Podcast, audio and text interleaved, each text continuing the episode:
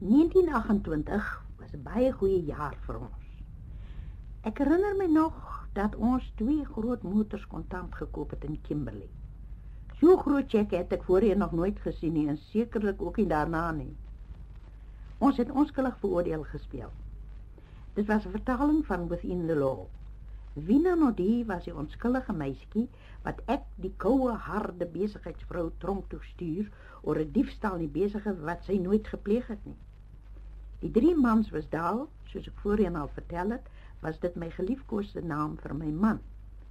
Verder James Norwell en Willem van Sail. Dit was egter nie lank hierna nie of ons begin die woord depressie ken. Die ondersteuning het begin versleg. By elke plek bespreker waar ons kom, hoor ons net die woord depressie. Ons geselskap het toe al begin wik en weeg of ons almal terug na ons mense sal gaan en of ons maar sal begin rondkyk vir iets anders om te doen. Ons groep het egter besluit om by mekaar te staan. Ag nee wat, 'n boer gee mos nie so gou moed op nie.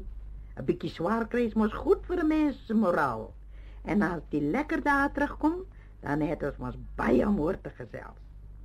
Nou ja, so gesê, so gedaan. En glo my dames, ek wonder of ons jonger geslag sal kan deurmaak en oor al die swaar sal kan lag soos wat ons gedurende daardie tyd wel gedoen het. Nou gaan ek julle so 'n bietjie vertel van die hongerly in die veldslaap en moeilikhede waaroor ons nie kon wegloop nie.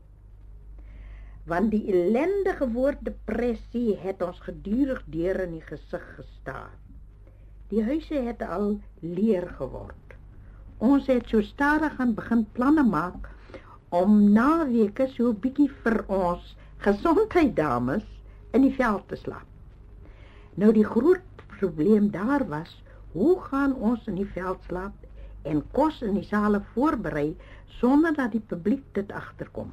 Want jy sien, die mense het ons toe al begin leer ken. Saalopsigters en kosters was natuurlik ons grootste probleem. Ons was toe al goeie vriende met hulle en as ons by die sale inkom, was hulle alreeds daar om ons te kom verwelkom en hulle hulp aan te bied. Met die goeie jare was hulle ook gewoon daaraan dat daal sy hand diep in sy sak gesteek het vir hulle. Nou ja, soos gewoonlik was ek voor op die wa. Dit was net ou neef en ou vriend voor en agter En so om het draai vertel ek hulle dat dit ook nou nie meer so floreerend met ons gaan nie.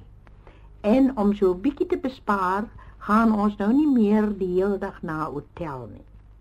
Maar neef, kyk, jou saal is so skoon en agter mekaar. Ons gaan nou so 'n bietjie hier omkrap in die verkleedkamers. Maar ons beloof jou, as ons vanaand die saal verlaat, is alles weer piekfyn, net soos jy dit wil hê. Die eerste paar maande kon ons daarom nog bekostig om so 'n stukkie vleis, brood ensovoorts te koop. Baie dae het Wina ek egter besluit. Nou kyk, ons word nou regtig te vet. So 'n bietjie hongerlys sal goed vir die figuur wees. Jy sien dames, daardie dae het ons die woord dieet nog nie geken nie. Ons het nou gedurig buite geslaap en dit het 'n soort van speletjie by ons geword. By watter hotel gaan ons vanaand slaap? Riverside Inn, Clump of Trees, Mountain View, Windmill Hotel, Wayside Inn of sal dit Flushing Streams wees? dit was nader aan die kompetisie by ons om te kyk wie die grandste naam vir ons slaapplek kry. Die name was altyd Engels want wie sou ooit daardie dae kon droom dat 'n hotel 'n Afrikaanse naam sal hê? Dit was alreeds 'n gebruik by die dominees, dokters, skoolhoofde en ander vooraanstaande mense van die dorp om ons na die opvoering vir 'n koppie koffie en al die lekker eetgoed na hulle huise uit te nooi. Snaaks daardie dae is ons nooit gevra om 'n drankie te kom geniet nie. Vandag vandag is drankies natuurlik hoogs in die mode. Ons het gewoonlik baie grappies tussen ons gehad by hierdie partytjies. Ons vertel vir die gasvrou hoe besonder lief ons is vir al die lekkernye. As sy maar net kon geraai dat dit die eerste maaltyd was wat ons daardie dag gehad het. Daar was natuurlik net een gedagte in ons kop as ons so sit en eet. Ai, die borde vol kos wat bly staan as ons vertrek. Is mos genoeg om ons vir 'n week aan die lewe te hou. Nou egter het die pret begin om 'n slaapplek te soek. Want dis mos weg van die hoofpad tussen bome en nie te na aan die pad wees nie. Ons het toe juis al met een motor in 'n sleepwa vir die dekor gereis. Ons slaapplekker was soos volg. Wina ek in die kar. Ons vloerkleed is langs die motor oopgetrek, dekor daarop, twee groot ou vere komberse met 'n groot laken daaroor. Willem en James het onder een laken en Daal onder die ander geslaap. Elkeen het dan nog sy twee komberse gehad. Ons het toe ook nog twee karosse wat later 'n groot rol in ons koue lewe gespeel het. Nou ja, dit was dan die meubels van ons kamers in die Rippling Stream Hotel. Ag ja, as ons so 'n geskikte plek gekry het, was dit gewoonlik daar so rondom 1-2 ure in die nag. Nou begin ons grappe. Die ou Masters Voice grammofoontjie is uit en ons speel net plate. Shine on Harvest Moon was my geliefkoeste plaat. En altyd eerste aan die gang. Nou ja, as die maan heerlik skyn, dan sê Daal gewoonlik: "Mense, ek sien die moon, maar waar is die harvest?" Ek glo nie daar was iemand in die wêreld wat meer lief was vir die maan as ons. Want as hy sy lig vir ons aangeslaan het, dan was dit nie 'n kwessie om 'n slaapplek te kry nie. Pas op egter vir die dae as hy wegkruip. Dan was dit moeilik om ons hotel te kry. Die windpomp het vir ons baie pret verskaf. Snaaks? Baie dae nog as die wind waai dan kom dit in my gedagte. Ou wentjie, ons het jou so bitter nodig gehad in die pressie jare. Hier sit ons nou by 'n windpomp met seker duisende gellingswater onder hom. Maar waar is die wind? Vriende, ek weet nie of julle sal onthou nie. In die ou dae, as jy wil hê dat die wind moet waai, dan vlieg jy mos. Nou ja, dit was James en Willem se werk. Dan gaan lê hulle op hulle rug En fluit, en fluit, en fluit. Maar al wat kom is die wind. Willem was 'n sterk kerel. Tussen ons gesê dames, ek dink Daal en James was maar 'n bietjie lui. Water moes ons egter kry. Met 'n sug het Willem maar telkens die windpomp opgeklim en al steenende en kreunende begin hy en die wille wiel daarbo beklei. Ons het altyd gesê Hoe kan die boere so lui wees om nooit hulle windpompe olie te gee nie? Wag, as die depressie verby is, dan gaan speel ons 'n toneelstuk met die naam Die Windpomp, net om die boere te wys dat 'n windpomp olie moet kry. nou ja, die water het ons nodig gehad en Willem moes die wiel gedraai het. Na lang gesukkel het ons gewoonlik so 'n straatjie gekry, net genoeg om ons oë nat te maak. Ons was goed, moes ons maar gewoonlik gewas het as ons by die rivier uitkom.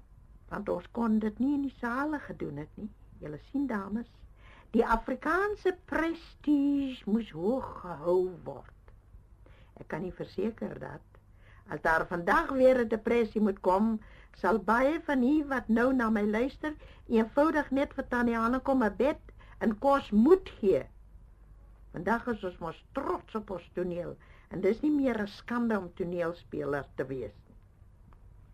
Ja, dames, daar het jy nou 'n prentjie van hoe ons ons rus en slaap gekry het.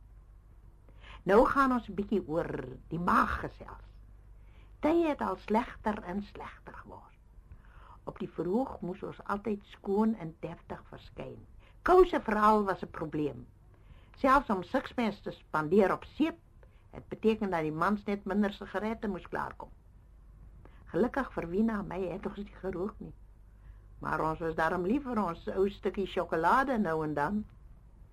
Voordat ons môres van ons kampeerplek vertrek het, het ons ons grootste maaltyd geniet. Dis 'n lag, dames. Maar dit was self baie maal 'n lekker ou voeltjie. Nou moet ek dit daarom eers vertel. Waar dit altyd Willem was wat met die windpomp moes geworstel het, was dit James se beurt om voeltjies en duifies te skiet met die soos ons dit gedaai dae genoem het, kettiepel. Ek het 'n geweldige liefde vir tortelduwe. Want waar is daar 'n voeltjie wat mooier kan koer as hy? As James dus met 'n duifie daar aangekom het, het ek daardie dag nie vleis geëet nie. Maar twee duifies het beteken dat ons vir 2 dae vleis gehad het, alhoewel dit partytjie sonder sout was. Jy sal verbaas wees wat 'n penny daardie dae in ons sak vir ons beteken het. Stampmielies was gelukkig goedkoop. En as jy daar melk oor gooi, kan dit dien as pap en nagereg. Hang net af watter maaltyd jy dit eet. Ek kan nie verseker dat ek vandag nie so besonder lief vir stampmielies en papoen is nie, want dit het ons ook baie geëet. Ek hoop nie juis dat uh, jy 'n voeltjie paai. Ekskuus dames, ek bedoel pastei ooit weer vir my opgedis sal word nie. Ek sien die voeltjies maar liefs in die lug rondvlieg. Raai daal was mos baie lief vir skilpaaie. En het as kind nogal dikwels skilpaaie op sy oupa se plaas geëet. Hy het altyd gesê dat soos die Franse van paddeboutjies hou, so hou hy van skilpaaie. Ons het toe maar altyd vir die pret 'n paar skilpaaie saamgery. Want hulle kos kry ons mos verniet. Om hulle in die veld los te laat, hulle dop te hou en te sien hoe hulle uitmekaar spat, het ons nogal baie plesier verskaf. Ons het elkeen ons geliefkoeste een gehad en die een se skilpad wat die luiste was om die dag vinnig te loop, daardie man se beurt was dit om vuur te maak en te sorg vir warm water. As Daal egter die dag lus gehad het vir sy delikatessen, dan het Wina en James en Willem maar 'n ent in die veld gaan stap, want om te sien hoe 'n skilpad onder die grond bak, wou hulle nie aanskou nie. En wie se skilpad sou Daal nogal braai? As hulle egter teruggekeer het, was hulle wandeling af en Daal het op sy rug lê en droom en een van die skilpaaie het natuurlik mekeer. Dit sal ek verbaas dames hoe baie van die hotelbase na die saal gekom het om te kyk waar ons bly. Hoekom kom ons nie hotel toe nie? En nou ja, meneer Hanekom, ons weet die depressie is hier en geld is skaars en julle teatermense is van die wat die swaarste leef. Al kom eet julle maar net 'n maaltydjie by my. Hier en daar het ons so 'n maaltyd uitnodiging gebruik gemaak van ons ou vriend by wie ons vir die laaste 6 jaar tuis gegaan het. Die grootste genot was natuurlik die heerlike warm bad waarvan ons dan ook gebruik gemaak het. Want 'n mens maak nie van jou vriende se goedheid baie misbruik. Een aand na 'n goeie huis besluit ons by 'n hotel te gaan eet. Nou ja, dit was vir ons altyd die grappigste ondervinding. Ons eet die spyskaart van bo tot onder en vra dan nog brood en botter. Laasgenoemde gaan dan gewoonlik in my en Wina se handsakke. Na James hom die aantrommelde geëet het, besluit hy om vir die kelner te sê: "Look waiter, this master is sick and he can only eat two hard-boiled eggs." Die kelner het hom natuurlik so skeef aangekyk, skouers opgetrek en die twee eggs bestel. James hou nie die hou nou net die kelner dop en toe laas genoemde in die kombuis verdwyn, verdwyn ons op. Net toe ons by die eetkamer deur uitgaan, kom die dame van die hotel in. Sy en James besluit om te mekaar vas te loop. James spring teen die deur, druk toe die two hard-boiled eggs, wat seker nie langer as 'n minuut gekook het nie, pap in sy sak. Die dame is baie bly om ons te sien, groet vriendelik en ons begin gesels. Intussen begin die geel van die papgedrukte eier deur James se sak syfer. Ons almal merk dit, maar die niks vermoedende dame hou aan met gesels en gesels. Willem soos gewoonlik wil hom natuurlik doodlag. Hy en Wina staan so 'n entjie daarvan en geniet die spektakel ten steerste. Want die hotel dame gesels nog steeds. Daal red toe vir James uit die situasie deur verskoning by die dame te maak, want ons is kammersdag al reeds 'n bietjie laat. Een aardig van daardie dae, ons het nooit bitter gevoel oor die swaar kry nie. Rusies was daar natuurlik nooit. Ek kan nie verseker dames, ons senuwees was heeltemal kalm.